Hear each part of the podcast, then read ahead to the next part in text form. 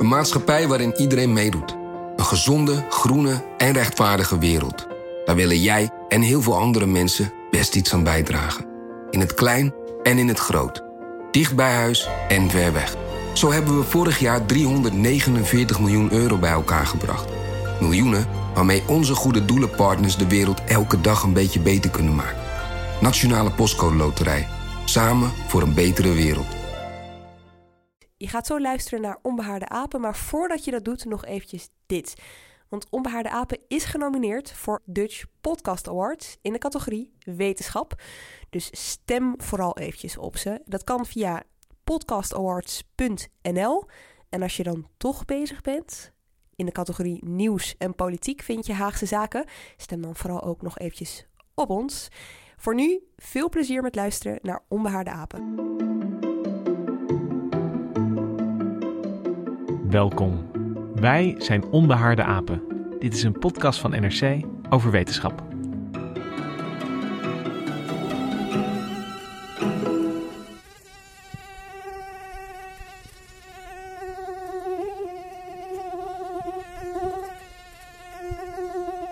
Nee, lieve luisteraar, er zit, uh, zit geen uh, mug in, in je slaapkamer. Althans, dat hoop ik. Dit geluid kent iedereen, al is het maar van vakantie in het buitenland, in een, in een tentje of gewoon thuis in Nederland, in je eigen bed, de zoemende mug. vandaag staat dit kleine irritante diertje centraal. we gaan de mug eerst proberen te begrijpen. we gaan ook kijken naar de schaduwkanten van de mug, over welke ziektes ze allemaal kunnen verspreiden. En ja, we gaan toch ook even stilstaan bij de vraag of we ze kunnen, uh, dan wel mogen uitroeien. Maar dat is, uh, dat is voor straks. Eerst gaan we de wereld van de mug proberen te begrijpen. En daarvoor zit vandaag aan tafel uh, Gemma Venhuizen. Vervent muggenliefhebber. Ja, dat heb je wel eens eerder verteld. Jij, uh, jij slaat ze niet dood. Nee, nee, sinds mijn zevende, toen ik per ongeluk een keer een mug om zeep hielp, die daarna in de tuin heb begraven, heb ik mezelf gezworen nooit meer een mug opzettelijk dood te maken. Nou, dat siert je, uh, deze Nou, deze ik schakel wel huurmoordenaars in soms om het vuile werk op te knappen. Dus. Dat vind ik ethisch, vind ik dat even verwerpelijk eigenlijk. Als je... Had ik niet moeten vertellen. Nee, maar ik ben uh, muggen, ik heb ook uh, onderzoek gedaan naar fossiele muggen, maar daar vertel ik later misschien nog wat over. Oké, okay, dat is goed. En Sander Voormolen zit ook aan tafel, medisch redacteur. Wat doe jij met de muggen in de slaapkamer? Uh, ik ga niet slapen voordat ze allemaal dood zijn. Want nee. uh, uh, ja, ik heb een bloedhekel aan het gezoem in mijn slaapkamer. En de, de rode plekjes op de muur van als je net te laat bent en ze hebben doodgeslagen, die neem je dan voor lief? Ja, ja. ja. een nat washandje. Daarmee kun je ze het beste om zeep helpen. ja, over um, de mug in de slaapkamer gesproken, Sander. Jij kan ons even meenemen uh, op reis met de mug naar een, uh, een warm mensenlijf. En, en naar het bloed dat, dat wordt ge gezocht. Want ja, het, is aan de ene kant iets wat, wat alle mensen kennen. En ik denk ook waarvan ze weten dat, dat, dat, hoe het ongeveer werkt. Um, maar we gaan het even stap voor stap gaan we het behandelen. Om te kijken wat, wat de mug allemaal zoal doet en ziet en beleeft en hoort en ruikt. om de mug proberen te begrijpen. Ja, zoals iedereen misschien wel weet, is, uh, is het vooral de vrouwtjesmug die ons uh, belaagt. Want de mannetjesmuggen die leven van uh, plantensappen. En het vrouwtje die heeft een bloedmaaltijd nodig om zich te kunnen voortplanten en eitjes te leggen. Is de, is de mannetjesmug is dan ook, die, die hangt dan voor, vooral buiten rond? Die, ja. hoeft, die hoeft ook niet, ja. niet de slaapkamer in? Ja, er kan toevallig eens eentje naar binnen vliegen, maar... Ja ja, die is verder onschadelijk voor ons. Ja, ze hebben, ze hebben niet die, uh, die zoektocht naar bloed die de vrouwtjes nee. wel ondernemen. En die vrouwtjes die, die gaan dus zoeken naar bloed. Uh, die gaan op, af op de warmte, dus op de straling van je lichaam. Daar zijn ze gevoelig voor. En op de geur. En uh, nou heeft een mug geen neus, maar van die borstelige antennes als je goed kijkt. Ja, en, naar, naar zo, als je naar zo'n platgeslagen mug uh, kijkt, dan kun je nog. Het zijn bijna een soort veertjes of zo die op, ja, de, op de kop zitten. Precies. En daarmee kunnen ze dus heel goed stoffen waarnemen. En uh, zo vinden ze dus aan de hand van uh, bijvoorbeeld de kooldioxide die je uitademt, kunnen ze de weg vinden naar hun slachtoffer. En dan zijn er nog allerlei andere stoffen. Ze hebben, geloof ik, wel meer dan 200 stoffen gevonden die aantrekkelijk zijn voor muggen. En uh, waaronder melkzuur, wat in je zweet zit.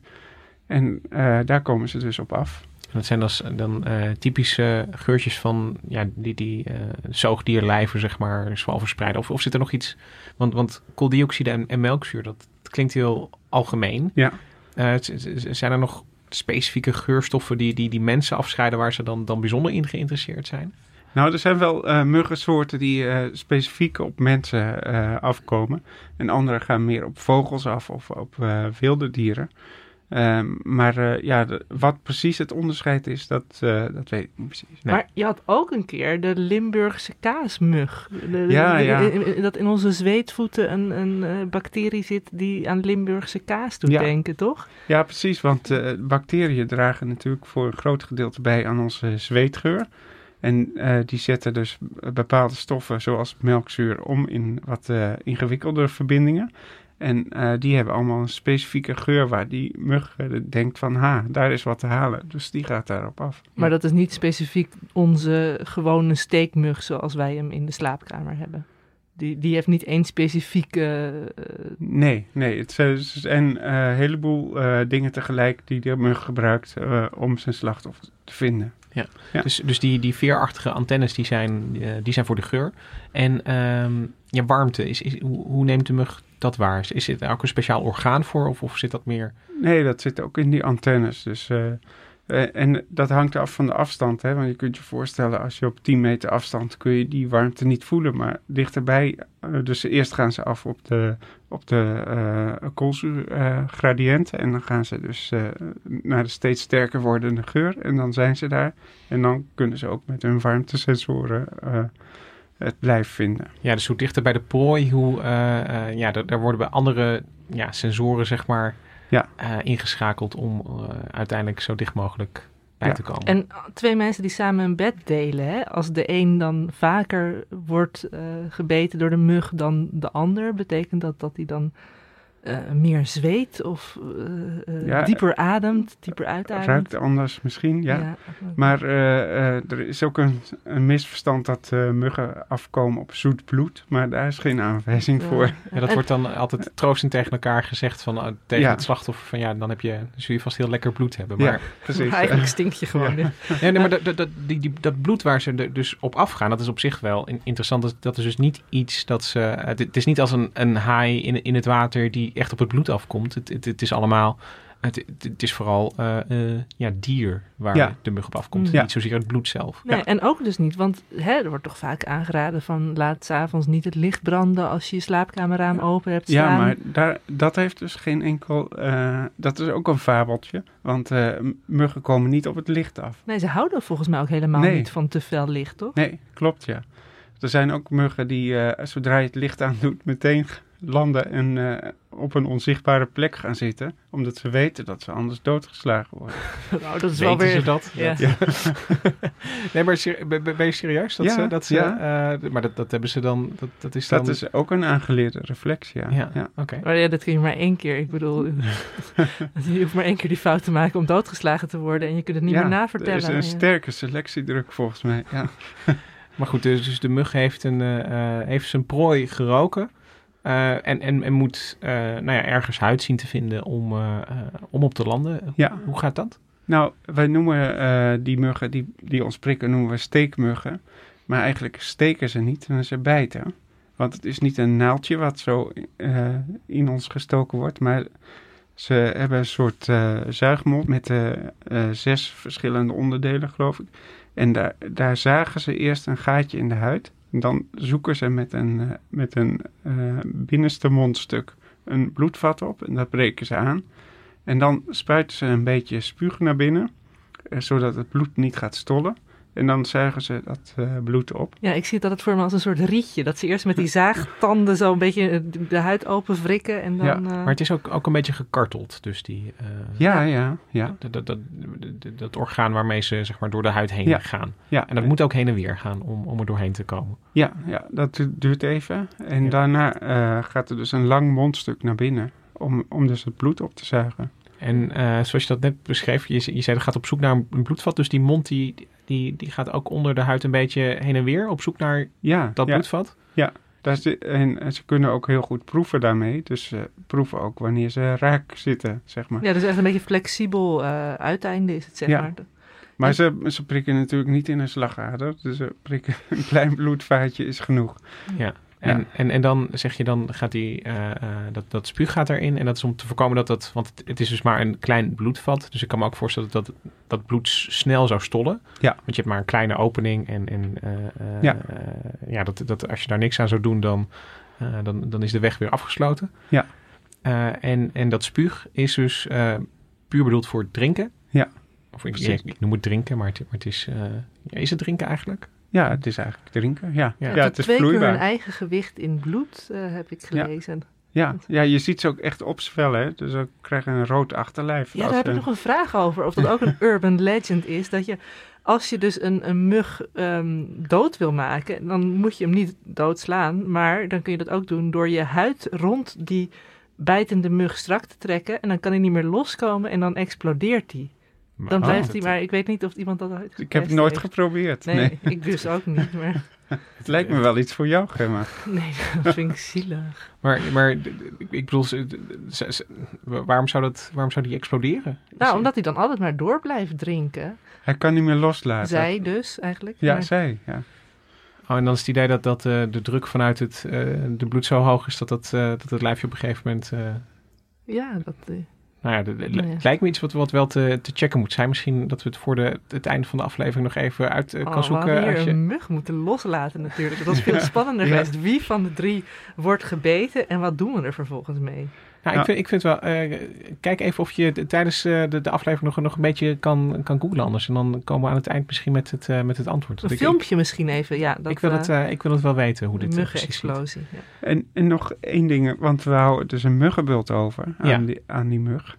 En dat komt eigenlijk door dat eh, beetje spuug wat hij injecteert. En daar eh, reageert ons eigen immuunsysteem weer op, waardoor we een beetje geïrriteerd raken. En dat kan eh, vreselijk gaan jeuken. En eh, die, die jeuk is dus echt een. een eh, het, het, het is niet iets wat de mug probeert te bereiken.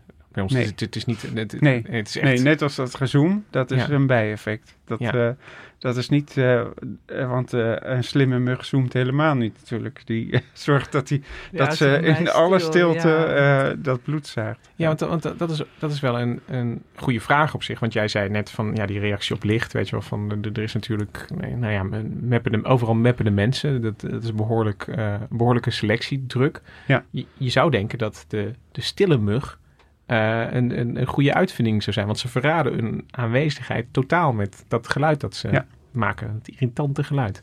Maar, maar het is niet iets waar ze eh vanaf kunnen, heb ik begrepen. Nou ja, ze moeten toch vliegen. Ze moeten hun vleugels bewegen. En juist door die vleugelbewegingen, dat zijn... Nou, bij de mannetjes zijn dat tot 600 keer per seconde. En bij vrouwtjes zo rond de 400 keer per seconde. Eh, dat zorgt voor dat hele hoge zoomgeluid. Eh, Willem Frederik Hermans die omschreef het in Nooit meer slapen ooit als een soort vioolsonate. Je kunt het natuurlijk heel mooi Ja, dat interpreteren. klinkt als ook je, wel een je beetje moet, zo. je moet het gewoon berustend accepteren en denken: wat fijn dat ik een privéconcert van een mug in mijn oor heb. Maar ja, eh, hoog eh gezoomd. En, Maar waar- waarom zijn die mannetjes dan zoveel hoger dan die vrouwtjes? Ze zijn kleiner, kleinere vleugels hebben ze ook. En die moeten ze sneller bewegen om in de lucht te blijven zonder neer te storten. Het is gewoon een kwestie van, van eh, aerodynamica en, en eh, ja, luchtvaarttechniek eigenlijk. Dat, dat ze zo snel en hoog moeten zoomen. Ja, en je kunt het verschil eh, als je een goed oor hebt zelfs horen. Nou, dat kunnen we even uitproberen volgens mij. Dus laten we eerst... eh nou ja, we gaan eerst naar, gewoon naar twee muggen Jullie moeten luisteren. raden wie ja, wie dat is is. goed. Nou. Ja, met die kennis van net Ja. durf ik het wel te zeggen. Ja. En, en waar dit echt... eh, ja, dit- dus? ja, dat waar- was het de eerste, het mannetje. En eh, de, de, de tweede, het vrouwtje. Ja. Want eh, hoe, hoe, hoe lager de eh, frequentie, de vleugelslag, hoe lager ook het geluid klinkt, zou ik zeggen. ja, en ik las ergens dat, eh, dat er ook weer iets over de aantrekkelijkheid van de mug kan zeggen voor het andere geslacht, welke frequentie je precies hebt. Zal best, maar ehm ik weet niet wat de meest aantrekkelijke frequentie is. Misschien hoe harder je kunt met je vleugels, hoe, hoe, leuker je bent. Maar om even te vergelijken, de kolibrie, wat we toch als een hele snel vliegende vogel kennen, die slaat ongeveer 200 keer per seconde met zijn vleugels. En nou, als je dan bij een mannetje met 600 keer komt, dat is toch best een indrukwekkende prestatie. Maar is het, ehm, eh, het, het is dus, ik bedoel, ze, ze moeten snel met hun vleugeltjes slaan en daardoor horen we iets. Dit, dit is ook niet wat, wat de, de, de mug zou kunnen uh, maskeren. Ik bedoel, het is gewoon een natuurwet bijna van, van ja, als je een, een, een van, van deze omvang omhoog wil houden, dan, uh, uh, ja, dan, dan zal dat geluid maken. Ja, kijk, ik bedoel, als wij lopen, je kunt natuurlijk wel sluipen, zo voorzichtig mogelijk doen, maar er is altijd een, een, een bijeffect. Als we ademen, dan maakt dat ook geluid. Uh, leven maakt geluid en bewegen maakt, maakt in principe ook geluid. En misschien, kijk, als, als, als er muggen zouden evolueren die een glijvlucht maken, uh, er zijn vast nog wel wat aanpassingen te doen, maar blijkbaar tot nu toe weegt het niet op om dat helemaal uh, stil te krijgen. Nou, knoetjes, dat zijn van die kleine mugjes die ook steken. Die, die maken bijna geen geluid. Nou, ik zat daarover te denken, maar ik vroeg me af, het kan ook gewoon met die frequentie te maken hebben. Want het is gewoon ook weer wat wij kunnen horen. Je hebt zo'n hangjongerenpiep, de mosquito heet die ook. Zo'n hele ja. hoge, vervelende pieptoon. En die kunnen jonge mensen nog horen. Ik was altijd heel blij als ik hem nog hoorde en nu hoor ik hem nooit meer. En dus ik weet niet of, de, of die pieptoon niet meer bestaat of dat ik, of dat, dat ik dover ben geworden. Maar die knutjes, ja, als die nog kleinere vleugels hebben, misschien slaan die nog wel sneller met hun vleugels. En horen wij dat gewoon niet meer. Ja. En uh, wat jij net zei, vind ik ook wel belangrijk. Dat, uh, dat die frequentie van die muggen, dat, dat, die, die gebruiken ze ook onderling, toch? Om, om uh, elkaar te horen en, en, en ja. elkaar op te zoeken. Ja, Kun je ook zien of je met een mannetje of een vrouwtje van doen hebt. Dat weet die mug ook onmiddellijk ja. aan de toon, ja. Ja, we kunnen even luisteren naar uh, uh, neurowetenschapper Greg Cage uh, en Haley Smith, die in een TED-lezing ja, dat duet tussen mannetje en vrouwtje onderzoeken en laten horen. Alright, let's see what happens we put the male and the female together. So when I put them into the same hearing range, I noticed that they uh, were kind of changing their tones. It was kind of more dull almost. And then when I put it back in my spectrogram to, to see their interaction, they were meeting at the same tone. You have the male singing up here at G, you have the female singing down here at D. And when they get together, you're saying that they they change the, the frequency of their wings such that they come together. Yeah, exactly. They, they sort of sing a duet.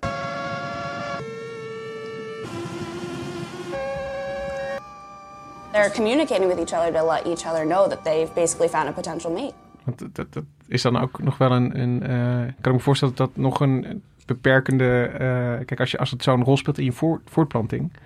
Dat, dat muggenzoen, dat het dan ook lastig is om dat kwijt te raken. Maar dat ja. is toch. Ja, maar dat is wel een maar, mooi idee. Stel je voor. Bij mensen werkt het soms juist andersom, heb ik dat, dat vrouwen extra hoog of vrouwelijk gaan praten. En mannen een hele diepe, lage stem opzetten. maar uh, bij muggen, die komen naar elkaar toe. Ja. Maar we, we, weten dat het zo werkt. Dat, dat, dat, dat ja. gezoom, uh, uh, ja. dat, uh, dat bepaalde frequenties die, die op elkaar afgestemd worden om tot een succesvolle paring te komen. Ja, dus het is een beetje zoals de, de, de, de, de paringsdans bij vogels. Hè? Hoe goed kun je elkaar nabootsen? Hoe symmetrisch ben je eigenlijk daarin? En muggen doen dat met geluid. Maar ze kunnen dus kennelijk ook de toonhoogte van hun, van hun geluid veranderen. Ja, sneller, sneller of langzamer gaan ja. flapperen met je vleugels. En eh, voor mannetjes is dus als ze naar beneden gaan in de frequentie um, een maat voor opwinding en voor vrouwtjes net andersom. Mm, uh, ja, als, als, inderdaad dus als de mannetjes lager gaan en de vrouwtjes hoger gaan. Ja. ja. Maar zoeken ze elkaar echt op of zoeken ze gewoon een, een, uh, een, een, een, goede harmonie? Of, of gaan ze echt naar dezelfde frequentie toe? Dat durf ik niet met zekerheid te zeggen. Het klonk niet echt als een zuivere nee. toon. Nee, ik denk niet dat ze. Het is niet zo dat je, dat je de perfecte match nee. hebt gevonden als je precies dezelfde uh, frequentie. Nee, dus er blijft dan een frequentieverschil ja, tussen, ik denk tussen dat man en vrouw. Ja. ja. Oké, okay, dus, dus dit, uh, uh, ja, dit over wat er in de slaapkamer eigenlijk over de hele wereld ja. gebeurt. En die arme arme mannetjes die de dupe worden, die per ongeluk een slaapkamer invliegen op zoek naar een vrouwtje en dan ook dood worden geslagen. Ja. Maar die, die vrouwtjes moeten ook weer naar buiten natuurlijk. Want die gaan uh, vervolgens hun eitjes leggen in uh, uh, kleine beetjes water, waar, waar een plasje staat of, of in een sloot. Dakgoot. Liefst, liefst stilstaand water. En daar worden de eitjes in afgezet en dan ontstaan er muggenlarven. En dat zijn echt uh, vreedzakken. Die eten alles wat links en rechts tegenkomen, ook elkaar. En vervolgens komen daar weer volwassen muggen uit. Ja, en elke mug, maakt niet uit uh, welke soort je hebt, die heeft water nodig voor de voortplanting ja. uiteindelijk. Ja, Want het zijn iets van. 100 mini-muggen per keer die tijdens één zo'n eileg-episode uh, worden gelegd. Dat zijn er nogal wat. Ja, dat zijn inderdaad heel veel. En dat verklaart ook waarom er ineens een muggenplaag kan opkomen. Dat is vaak na een, uh, een periode van regen. Als het plotseling weer warm wordt, dan, dan, ja, dan vliegen ze de pan uh, uit. Wij voeden ze gewoon met ons bloed. Ja, dus maar, wij, wij zijn allemaal ja. ook een beetje muggenouder. Maar het, maar het zijn alleseters, uh, zeg je?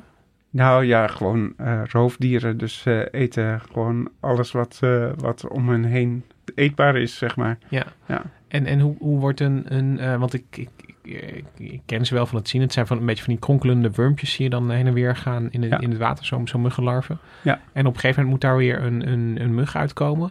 Ja. Uh, en, en, hoe gaat dat? Is, ja, ze verpoppen zich en dan, uh, dan vliegen ze weer uit. Dan maar moet, dan moeten ze het, het, het, een beetje het land op om, om zich te verpoppen? Of, of klimmen ze dan, uh, hoe doen ze dat? Dat weet ik niet precies. Maar volgens mij is dat per soort ook verschillend. Maar in ieder geval, ze halen het lang niet allemaal. Dus ja, volgens mij aan het wateroppervlak gewoon, ja. dat ze dan drijven en dat daaruit die muggen ja. geboren worden. Ja. Maar de meeste worden ook opgegeten door kikkers, uh, vissen en, uh, en vogels. Ja, ja. En, uh, maar, maar er zijn er altijd een, een, een paar die natuurlijk... En er blijven er nog genoeg over, ja. ja. Ik bedoel, als je met 100 begint na, ja. één, uh, uh, na één eierzetting, dan, dan kun je er natuurlijk donder op zeggen dat er een paar zullen uitvliegen. Ja. Ja. ja. En dan begint het weer op voor, voor, van vooraf aan natuurlijk. Ja, precies. Ja. ja. Dan kunnen wij uh, mappen wat we willen, maar dat halen we niet in. Nee. nee, over wat we wel kunnen doen om, om van muggen af te komen straks nog meer. Ja. Maar eerst, um, ja, we, we hebben nu nog eigenlijk gehad over de mug als een nou ja, relatief onschuldig beestje dat een, een, een, een, beetje bloed komt halen en dan gespaard wordt. of niet, door Gemma. maar um, er zit natuurlijk een, een, met, met al het bloed dat ze voortdurend opzuigen op verschillende plekken. vormen ze natuurlijk een enorm risico voor mensen door de ziektes die ze kunnen verspreiden. Ja. En um, ik denk dat de meeste mensen kennen malaria. Als je naar een tropisch gebied gaat, dan, dan ga je gelijk aan de malaria-pillen. Uh, uh, om je daartegen te beschermen. Maar malaria is lang niet het enige. Je hebt een uh, behoorlijk lang lijstje, toch Sander? Om met, met dingen die je van muggen zou kunnen krijgen. Ja, precies. Ja, allerlei infectieziekten worden door muggen overgebracht. Het wordt wel eens uh, voorgesteld als uh, vliegende naaldjes die die zeg maar van de ene persoon naar de andere persoon een ziekte kan overbrengen. En dat zijn dan allerlei virussen, de gele koorts, de knokkelkoorts, de encefalitis. er is ook nog chikungunya en de West Nile virus. Allemaal virusziektes die door muggen kunnen worden overgebracht. En niet elke ziekte wordt ook even efficiënt door elke mug elke muggensoort uh, overgebracht. Dat verschilt heel nee, erg. aids bijvoorbeeld wordt niet door muggen overgebracht. Nee, nee Terwijl... dat klopt. En dat virus zit wel in je bloed. Maar uh, ja, de muggenmaaltijd is maar heel klein. Hè? Dus er moet voldoende virus in zitten om het überhaupt al in de mug te krijgen. Dan moet het virus nog overleven in de mug. En uh, nou, een mug is niet ideaal voor een virus. Dus daar moet een virus ook wel een beetje op aangepast zijn. En kennelijk is heeft dat niet zo. Ja, dus je moet een. een uh, ik, bedoel, het is best lastig om in, in, in, uh, in twee verschillende omgevingen allebei goed te kunnen overleven ja. en, en, je aan te passen. Precies, dus ja. Van het bloed kom je in, een, in, een, in een muggenmaag terecht. Precies, en het verschil is alleen al dat wij warmbloedig zijn en de mug koudbloedig. Dus dat virus moet ook wel tegen die lage temperatuur kunnen. Ja, en er zijn dus wel, uh, uh, ja, die zegt de, de ene soort verspreidt de ene ziekte ook weer beter. En dat heeft ook hiermee mee te maken. Ja. Dat, dat je dus, uh, dat, dat, dat niet, dat hele pakket van, van ziekten, er is niet één mug die ze allemaal heeft en bij zich draagt. Je kunt, nee. want je, sommige muggen worden toch ook naar een ziekte, de, de malaria-mug heet een malaria-mug, omdat die, die ziekte Ja. ook zo goed verspreidt. Ja, precies, ja. Ja. En je hebt de gele koortsmug. Uh, raad eens wat die verspreidt. Ja, dat lijkt me dan de, Ja. dat West-Nile-virus. Nee, de, de gele koorts. En, en, en kun je iets zeggen over... ehm, ik, ik schetste malaria als een, als een, als een tropische ziekte. Ehm, het, er is toch wel een soort, soort verband lijkt het tussen eh, rond de evenaar dat, dat er vaker dat soort muggenziekten voorkomen dan, eh, dan, dan noordelijker of zuidelijker. Ja, maar vergis je niet, want wij hadden hier ook malaria in Nederland. Tot, ja, pas in, in 1970 zijn we malaria-vrij verklaard hier in Nederland. Ja, want in de laatste jaren 50 of zo was de laatste uitbraak, Ja, toch? ja. Ja, Nou ja, op zich is het hier voor muggen natuurlijk ook ideaal. Veel water, veel, eh, veel mensen. En ja, dat, eh, daar kunnen ze zich uitstekend bij voortplanten. En eh, het, het is ook zo dat, dat ehm, eh, je- we, we kennen nog lang niet alle, alle, alle ziekten die, eh, die worden overgedragen door muggen. En soms lijken er ook ineens ziekten op te komen die we daar, daarvoor niet zo goed kennen. Ik, Ja, ik weet nog van een, van een paar jaar geleden werd de, die, die, die golf van West Nile virus werd door de Verenigde Staten dan gevolgd. Dat was Ja. iets wat, wat, wat opkwam. Ja. En eh, een paar jaar geleden heb jij veel geschreven over het eh, Zika-virus. Ja. Dat dan ineens... het. Zika-virus hebben ze getraceerd naar een bos in Oost-Afrika. En daar komt het oorspronkelijk vandaan. En vervolgens is het op een of andere manier eh, in India en die contraien terechtgekomen. En vervolgens heeft het een hele lange reis over de Stille Oceaan gemaakt naar Zuid-Amerika. En daar is het echt groot geworden. En eh, dat, dat nare van het Zika-virus was dat als eh, zwangere vrouwen ermee ja, geïnfecteerd raakten, eh, dat ze dan een, eh, dat, dat, dat hun vrucht dan, eh, dan had je een grotere kans op een baby met microencefalie. Precies, Dus- ja, met een heel klein hoofdje en, en Ja. allerlei eh, afwijkingen, waardoor ja, het kind is gewoon niet gezond. Het is Nee. de vraag hoe, hoe oud die kinderen kunnen worden. en hoe is het nu met die verspreiding van het virus? Is Nou, dat... het lijkt wat minder, maar eh, ja, het, in, in het begin van de epidemie hebben ze er ook heel veel geprobeerd om aan te doen. Maar eh, ja, dat ging natuurlijk niet. Eh, Brazilië is een van de grootste landen ter wereld. En eh, om dat in te dammen, dat was heel erg lastig. Maar er waren dus al twee muggensoorten die het Zika konden overbrengen. En dat, dat ging dus ook heel makkelijk daar.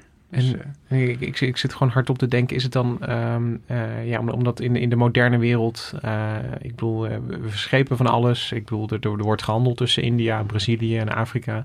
Ja. Ehm, eh, is is dat, dat, dat die ziektes nu ineens zo, zo op kunnen duiken in een, eh, in een bepaalde periode, op plekken waar je ze eigenlijk niet, niet horen of vandaan komen? Heeft dat een beetje te maken met, met wat we eh, allemaal als, aan het doen zijn als mensen? Dat we Ja, zo, zeker. ja. Ja. Ja, En eh, dat komt dus door de internationale handel. Met, eh, eh, met allerlei producten kan het meekomen. Maar het kan ook door de mensen zelf verspreid worden. En ja, misschien zelfs onze caravans, die we uit Zuid-Europa weer terug meenemen. Autobanden. Ja. Nou, nou ja, de autobanden, dat gaat over tweedehands autobanden. Die, eh, die overal eh, in Nederland opgeslagen liggen op eh, bedrijven waar ze daarin handelen. En daar kunnen dus eh muggen-eitjes in zitten. Oh, in de plasjes water die er dan in Ja. blijven staan. Ja. Maar ik herinner me ook die bamboeplantjes. Dat Ja. was ooit dat- je de, de Lucky Bamboo had je dan. Ja, Een soort klopt, ja. ja daar zitten, sierbamboe. Ja. ja. Met een beetje zo'n vochtige... die, werden ook uit Azië gehaald. En, en ja, daar, daar zijn die muggen gewoon allemaal tegenwoordig. Dus af en toe reisden eh, reisden er wat eitjes mee. En die kwamen hier weer uit. En om- welke muggen, waren het allemaal verschillende soorten die meekwamen? Nou, waarschijnlijk eh, eh, de, de, De Aziatische tijgermug. Die, die is eh, zeker meegekomen. En eh, de gele koortsmug misschien. Maar eh, ook de Japanse bosmug is waarschijnlijk op deze manier in Nederland terechtgekomen. Ja, die verspreiding van die muggen, dat kan altijd tot, een, eh, tot rumoer leiden. In ieder geval in de, in de media. Want het, eh, nou ja, ze hebben al, als je het zo op een rijtje zet, al afschrikwekkende namen. De Aziatische tijgermug. Dan denk je van nou, dat, die gaat eh, Ja, veel erger die, dan die onze eigen mug. gestreept, toch? Die is vrij groot en eh, Ja, ja. Heeft, eh, zit dat op zijn lijf of op zijn poten? Die... op z'n- ja, allebei. Ja, ze zijn zwart-wit gestreept. Ja, ja. En dan komt er ineens zo'n zo'n mug binnen met strepen op zijn, eh, eh, op, op zijn lijf. Een grote mug. En dan, eh, dat leidt dan, dan tot, eh, tot rumoer. Hier tussen de banden van het bedrijf Dicabo aan de Europaweg Noord zijn vorige week vier tijgermuggen gevonden. Alle bedrijven en omwonenden binnen een straal van 200 meter hebben een brief gekregen over de tijgermug. Maar bang, dat is niemand. Er wordt zelfs gewoon buiten geluncht. Er wordt een hoop ophef, eh, ophef gemaakt over zo'n tijgermug. En ik denk van ja, er zijn er vier geloof ik gevonden. Ik denk ja, ik ben er niet bang voor. Laat ze maar komen. Bang voor de tijgermug? Nou, nee. Ik moet, eerst, ik moet hem eerst zien. Het beestje kan exotische ziektes als knokkelkoorts overbrengen. Maar die kans dat het in Drenthe gebeurt is volgens de GGD heel klein. Wat we vaak zien is dat, uh, dat de eitjes gevonden worden en dat de muggen hier dan uitkomen. En dan zijn de muggen nog niet besmet. Dus een mug moet echt een besmet persoon steken, wil die het virus oppikken. En pas dan kan die een andere persoon besmetten.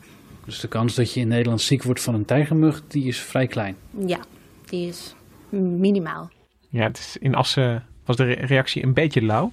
Uh, als ik de, om, de, de omwoners van zo'n uh, zo'n bandenbedrijf dan, uh, dan hoor. Ik kan me voorstellen, vier muggen, dat stelt natuurlijk niks voor. Nee.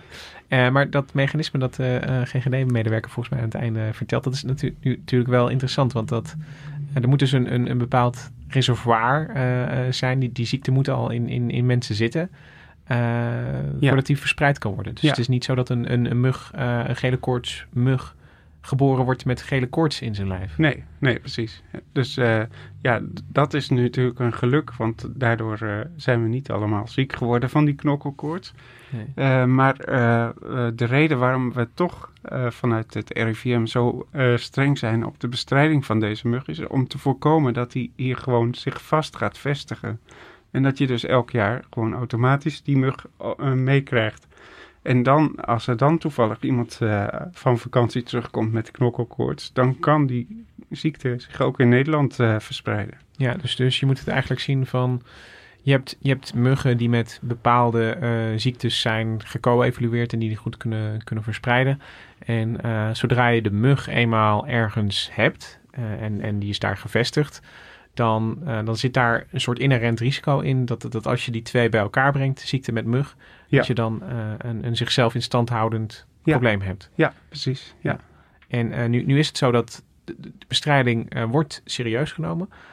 maar um, nou ja, en, en, iedereen die wel eens achter een mug heeft aangesprongen in zijn slaapkamer, die weet dat het niet altijd mak makkelijk is om muggen te vangen. dus, dus lukt dat? Weet je, van, van er wordt, wordt een mug ergens gevonden bij een bedrijf of op een plek of in een bos. En krijg je hem dan weg? Hoe doe je dat? Ja, er zijn natuurlijk inspecteurs die daarin uh, gespecialiseerd zijn. Die weten heel goed uh, waar ze moeten zijn om de muggeneitjes te vinden, want daar gaat het dan om. Zodra ze die vinden, doen ze er uh, een bestrijdingspoeder bij of ze spuiten er wat bij. En daardoor proberen ze dus te voorkomen dat er nieuwe generaties muggen ontstaan. Ja, dus moet, je moet op zo'n bandenbedrijf moet je gewoon de, de banden langs en alle uh, ja. uh, plekjes water die erin staan, die moet je, uh, moet je behandelen eigenlijk. Ja. En, en wordt dat in Nederland ook dus echt al toegepast? Zo? Ja, ja. Elke zomer zijn ze weer bezig. Dus het, het is eigenlijk wel dweilen met de kraan open. Ja, maar er is wel meer bij de bron aanpakken dan dat wij ons insmeren met date, bijvoorbeeld. Ja, zeker. Ja, ja en dat, ja, dus alles om te voorkomen dat die mug hier vast blijft. En, uh, ja, want ja, hoeveel... We, we, hebben de gewone steekmug, dat is onze inheemse mug. Ja. Uh, de malaria-mug, die is dus eigenlijk verdwenen uit Nederland. We hebben 30 soorten steekmuggen in Nederland. Dus dat is wel aardig wat. En dan tel je die exotische muggen, die tel je dan mee? Nee, nee, nee. Die, die zitten daar nog niet bij. Oh, we hebben nee. 30 inheemse ja. muggen. En ja. ook allemaal stekende muggen. Dat is ja. wel veel, ja. Ja. Dat is een, dat is een behoorlijk uh, uh, kader al. Ja, precies. Ja, maar die, die, uh, degene waar we het meest last van hebben, zijn de Culex-muggen. En, ja, Culex pipiens, dat ja. is die, de gewone steekmug. Ja, precies. Ja. En dat is dus zeg maar de doorsneemug in Nederland. Maar er zijn nog allerlei andere soorten die ook kunnen steken. Ja, en dan ja. ook nog de niet-stekende muggen, de ja. dansmuggen of chironomiden. Ja. ja. En, en dan, en die tropische muggensoorten, die willen we dus nu buiten de deur ja. houden om te voorkomen dat er later ziektes uh, opduiken. Want jij noemde net de Japanse bosmug, daar had ik zelf nog nooit van gehoord. Ja, die is uh, in, uh, in Lelystad geconstateerd. En die zit daar in een soort volkstuinencomplex. En daar hebben ze echt jaar in jaar uit geprobeerd alle bakjes en en emmertjes die daar stonden met Gietertjes, uh, ja. ja. om te draaien om te voorkomen dat de, die mug zich kan voortplanten. Maar het is niet gelukt om echt uit te roeien daar. En vorig jaar heeft het RIVM besloten van nou, we gaan het maar niet meer zo intensief doen, want het heeft toch geen zin. We, we gaan deze mug gewoon bestrijden zodra die buiten Flevoland komt. Ja, en uh, niet iedereen is het eens met die beslissing om het de handdoek maar in de ring te gooien dan. Ehm, we kunnen even luisteren naar Bart Knols, die uh, muggenexpert die bij BNR praat over deze beslissing van het RIVM. Wat nu? Bent u uit uw vel gesprongen toen u dit hoorde? Nou nee, ik, ik, ik, hoop met name dat zowel de, de, de overheid als alle andere stakeholders die hiermee begaan zijn met deze problematiek, eindelijk eens een keer de neus dezelfde kant uitsteken. En, en erkennen van beste mensen, uh, sinds 2005 is de situatie enkel en alleen aan het verslechteren. We gaan niet de goede kant op. Dus wat moet er nou gebeuren om wel de goede kant uit te gaan? En ik zou zeggen, uh, beste minister Bruins, zeker niet de handdoek in de ring gooien.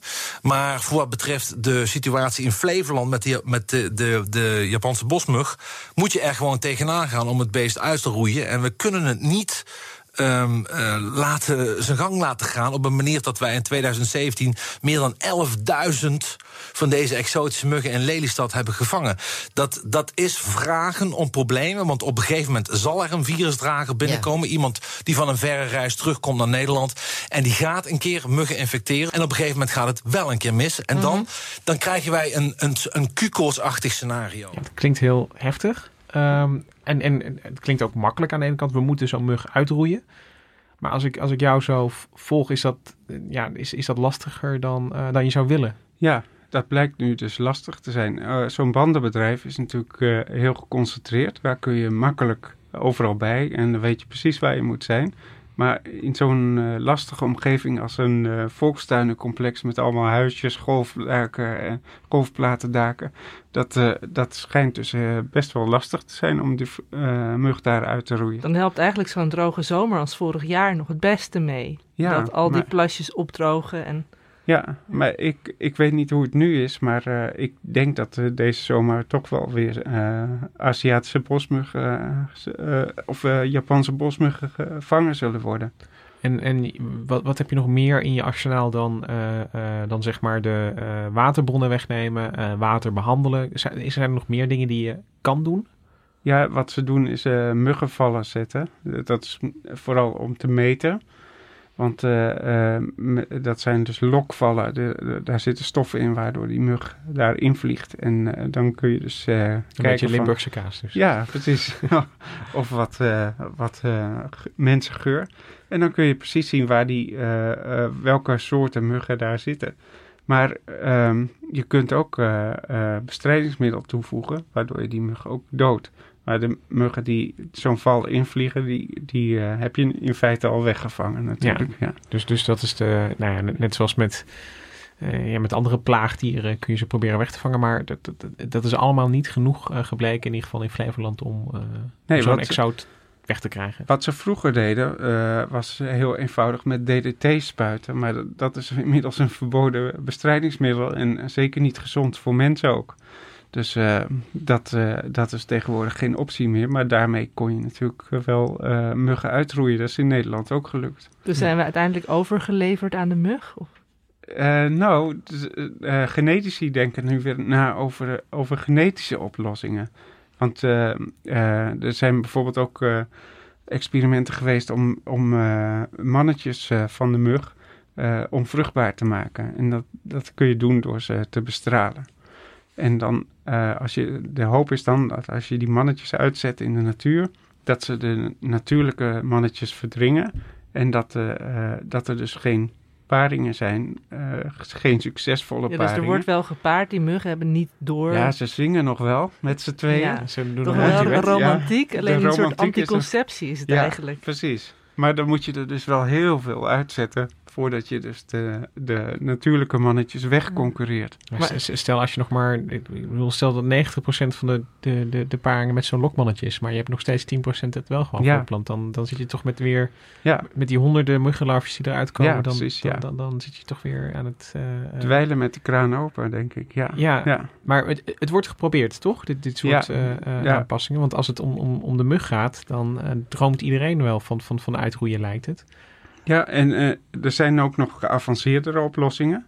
Uh, er zijn bijvoorbeeld uh, met CRISPR-Cas, dat is een genetische techniek, kun je dus dingen veranderen. En dan kunnen ze vrouwtjes maken die nog wel eitjes leggen, maar die onvruchtbaar eitjes leggen. Dus Dus dat is, dat is nog een stapje verder. Dan heb je Ja. niet alleen de... de, We hebben de romantiek, we hebben de paring. We hebben de eitjes. En de wel, eitjes. Maar die komen maar nooit die uit. komen en niet dat heeft uit. het vrouwtje dan nooit door, omdat ze alweer weggevlogen is. Ja, dat, maar En dat hebben ze in het laboratorium geprobeerd. En dat ging dus ook best wel goed. Want na acht generaties eh, zat dat, die verandering van dat gen zat in de hele populatie. Maar ja, als je dat in het wild gaat doen, dan is het weer de vraag van... eh, bereik je dan alle muggen die overal eh, verscholen zitten? Het is, het is natuurlijk wel een, een moeilijke ontwerpuitdaging. Is, is dat je een, een, een gen wil dat zich eh, eh, dat en de muggen onvruchtbaar maakt en dat zich moet verspreiden door de populatie. Dus je, zit, je, zit, Ja. je, je zit een beetje tegen jezelf eh, eh, te vechten daarin. Maar met, met, met dit soort technieken kan het dus wel. Ja. dat, er is zo'n er is zo'n construct Ja. bedacht. Maar stel dat het werkt, willen we dat dan ook op zulke grote schaal? Want dan ben je er eigenlijk, jij zegt nu net na, wat was het, acht generaties dat die Ja. muggen helemaal uitgeroeid zijn. Dan ben je meteen ook, eh, we hebben het er net over die muggen. eh, don't, don't shoot the messenger. Die muggen die dragen die virussen over. Eh, maar willen we niet liever gewoon virusvrije muggen, maar nog wel muggen? Wil je nog steeds gestoken worden dan? en dat gezoem de hele nacht. Ja, wat ik zei, mooi vioolconcert. Ja. Maar, maar het, het zijn ook eh, eh, alleen al tientallen soorten in, in Nederland. eh, Ja. als ik je zo hoor. En je Nou, moet dat per soort doen natuurlijk. Ja, want, want iedereen heeft weer zijn andere genetische aanpassing Ja. nodig. De- zelfs, ehm, ja, het, het- klinkt ook weer simpel van we gaan muggen genetisch manipuleren en, en ze zel- zichzelf de, de, de, verdoemenissen in voortplanten. Ja. Maar zo makkelijk is dat ook weer niet. Nee, het lijkt mij ook niet. En, en eh, je moet je ook afvragen wat de ecologische effecten zijn natuurlijk. Want, Ja, dat eh, bedoel ik, ja. Want eh, er zijn ook dieren die leven van de Je noemde muggenlarven. net zelf al Ja. vogels, kikkers, vissen. Ja. Spinnen heb je natuurlijk ook nog. Ja.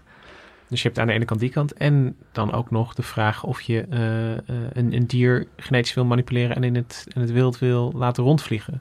Ja. Want je hebt, eh, eh, je hebt ze dan gekrisperkast. Ja. Maar dat betekent ook dat ze, eh, nou ja, dat, daar is iets in veranderd. En, en dat is nooit 100% eh, eh, nauwkeurig. Dus misschien pas je ook wel andere dingen aan. Dus, dus ik kan me voor, ook voorstellen dat je als bioethicus ook op dat vlak vragen kan Ja. stellen. Of het wel zo goed is. Ja, want met voedsel, genetisch gemodificeerd voedsel, zijn we juist heel erg streng. En dan In Europa tenminste. Ja. Maar ik denk dat het voor een kleine, beperkte populatie kan het werken. Dus op een eiland eh, waar het een afgesloten gebied is, daar, daar zou het kunnen werken. Dus misschien nog wel in Flevoland, dat we daar de Japanse bosmug eh, op deze manier uitroeien. Want, want zijn er eh, überhaupt zijn er voorbeelden van, van plekken op de wereld? Nou ja, je, je- noemde al Nederland met, met DDT. Maar, maar zijn er uit de moderne tijd nog voorbeelden dat- het gelukt is om, om een mug weg te krijgen? Eh, Nou, in, zelfs in Brazilië is het bijna gelukt in de jaren 30 door, door Fred Soper. Dat was een Amerikaanse epidemioloog. Die eh, met bestrijdingsmiddelen en droogleggen van eh, moerassen eh, een aardig eind was gekomen. Maar toen door geldgebrek moest stoppen. En ja, vervolgens heeft die mug weer alles terugveroverd. Ja, ik denk dat dat toch een, een beetje het, het terugkerende thema is. Als je niet ook de allerlaatste muggen eh, eh, Ja. hebt doodgeslagen of, of hebt platgespoten of hebt Precies, zo werkt het in de slaapkamer ook. Als je niet de laatste hebt doodgemaakt, dan eh, word je nog steeds uit je slaap gehaald. Dan, dan zit je nog steeds met die, met die bult eh, achteraf. Ja. Mag ik nog één lans breken voor de muggen? Ja, natuurlijk. Nou, ik zei net al dat ik fossiele muggen had onderzocht. En muggen kunnen ons helpen om het klimaat beter te begrijpen. Zo ongeveer. Nou, leg Net over al die, al die muggenlarven in het water. Hè? En die hebben eh, hoofdjes van chitine, een eh, heel moeilijk verteerbaar materiaal. En het leuke is, al die verschillende muggensoorten... Dit gaat dan over de niet-stekende muggen, de chironomiden...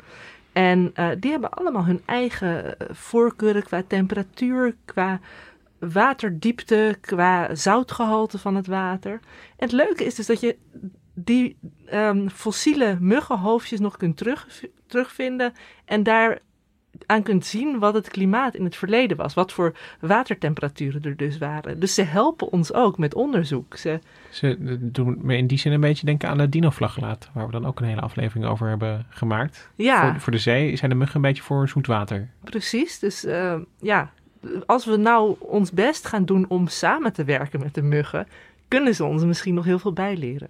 En ga maar, waar ik nog wel benieuwd naar ben. Je vertelde aan het begin over die, die mug die, die je kan eh, laten exploderen. als je- explosie. Nou, ik kan met een gerust hart zeggen dat ik het bij het verkeerde eind had. Gelukkig. Vertel. Nou, eh, er zijn wel filmpjes waarin mensen zeggen man vs mosquito en exploding, greedy mosquito exploding from too much blood. En, ehm, maar er is nergens het moment suprême waarop de mug ook echt explodeert. En er zijn wel diverse eh, onderzoeken gedaan en eh, ja, het blijkt gewoon een mythe te zijn. Dus, Te mooi om waar te zijn. dus ja, Ja. Je, je krijgt alleen een hele grote bult en waarschijnlijk vliegt de mug dan alsnog met een Ja. verzadigd gevoel weg. Dus eh, gewoon slaan.